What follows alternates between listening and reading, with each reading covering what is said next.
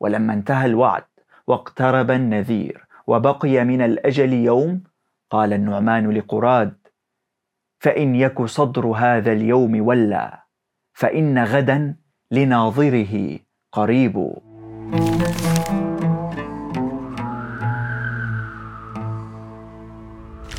في صباح يوم مشرق صعد النعمان بن المنذر على فرسه اليحموم قاصدا الصيد مع أصحابه. ساروا بالأرض سابحين في أرجائها. وفي غفلة عن الزمان شرد فرس النعمان فلحق أثر بعير ليبتعد عن أصحابه حتى وصل بيتا لرجل من طيء يقال له حنظلة ومعه امرأة له فقال لهما النعمان هل من مأوى؟ أجابه حنظلة نعم. فخرج إليه فأعانه على النزول. ولم يكن للطائي غير شاة وهو لا يعرف النعمان. فقال لزوجته أرى رجلا ذا هيئة وما أخلقه أن يكون شريفا خطيرا فما الحيلة؟ قالت عندي شيء من طحين فاذبح الشاة لأصنع من الطحين ملة. والملة هي الرماد الحار والمراد بها أنها ستصنع خبزا فأخذت المرأة تعمل على الخبز وقام الطائي إلى شاته. فاحتلبها ثم ذبحها وأكل النعمان وتحدث مع الطائي بقية ليلته. فلما أصبح النعمان لبس ثيابه وركب فرسه ثم قال يا أخا طي اطلب ثوابك. أنا الملك النعمان. ليقول الطيئي أفعل إن شاء الله. ذهب الرجل إلى الحيرة وصادف أن يكون يوم ذهابه يوم بؤس على النعمان. ومن غريب ما ذكر عن النعمان أن له يومان يوم بؤس ويوم إحسان. فأما الذي يأتيه في يوم بؤسه فإنه يقتله. وأما من يأتي في احسانه إحسانه فإنه يحسن إليه ويكرمه. دخل الرجل فعرفه النعمان وقال له أنت الطائي الذي نزلت عنده؟ قال نعم. فقال النعمان أفلا جئت في غير هذا اليوم ليجيب الطائي؟ أبيت اللعن وما كان علمي بهذا اليوم. رد النعمان والله لو ظهر لي ابني قابوس في هذا اليوم لم أجد بدا من قتله. فاطلب حاجتك من الدنيا وسل ما بدا لك فإنك مقتول. قال الطائي أبيت اللعن وما أصنع بالدنيا بعد نفسي. ليجيب النعمان إنه لا سبيل إليها. أي أن النعمان سيقتله لا محالة. قال الطائي فإن كان لا بد فأجلني حتى أذهب إلى أهلي فأوصي إليهم وأهيئ حالهم ثم أنصرف إليك.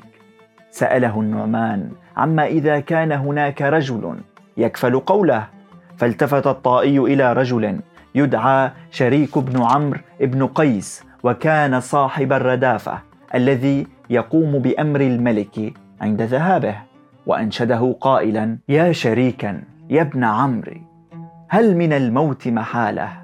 يا أخا كل مضاف يا أخا من لا أخا له يا أخا النعمان فك اليوم ضيفا قد أتى له. فرفض شريك أن يكفله حتى إذا هبت رياح اليأس في قلب الطائي وثب رجل يقال له قراد بن أجدع. فقال للنعمان أبيت اللعن أنا أكفله. قال النعمان أفعلت؟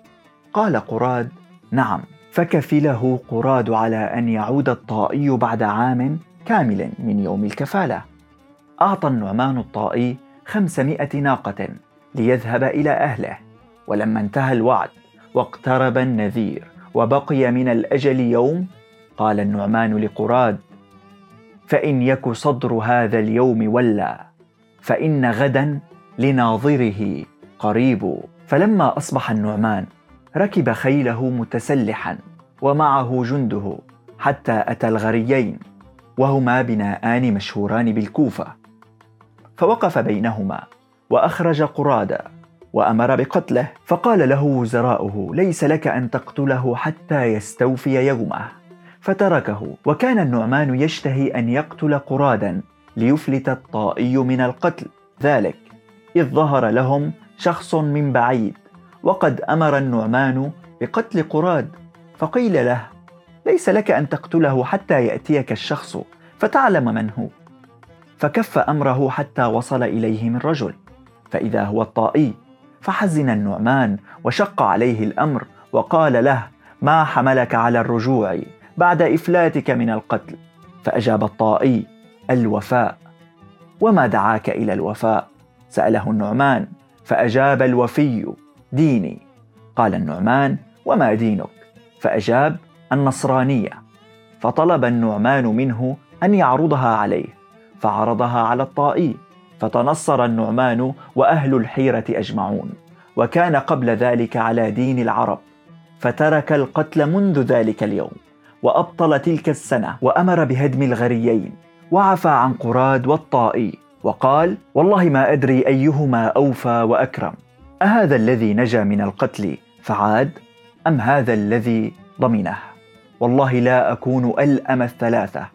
فأنشد الطائي يقول ما كنت أخلف ظنه بعد الذي أسدى إلي من الفعال الخالي. ولقد دعتني للخلاف ضلالتي فأبيت غير تمجدي وفعالي. إني امرؤ مني الوفاء سجية وجزاء كل مكارم بذال. من هنا خرجت لنا مقولة ما زالت تستخدم حتى يومنا هذا. واصبروا واعملوا فإن غدا لناظره. قريب. شاركونا آراءكم واقتراحاتكم عن أبرز الأمثلة والأشعار المستخدمة في ضرب الأمثال. ولا تنسوا الاستماع لباقي حلقات في على جميع مواقع البودكاست العالمية. وتعالوا لنتحدث عن الشعر تحت فيء من شعر.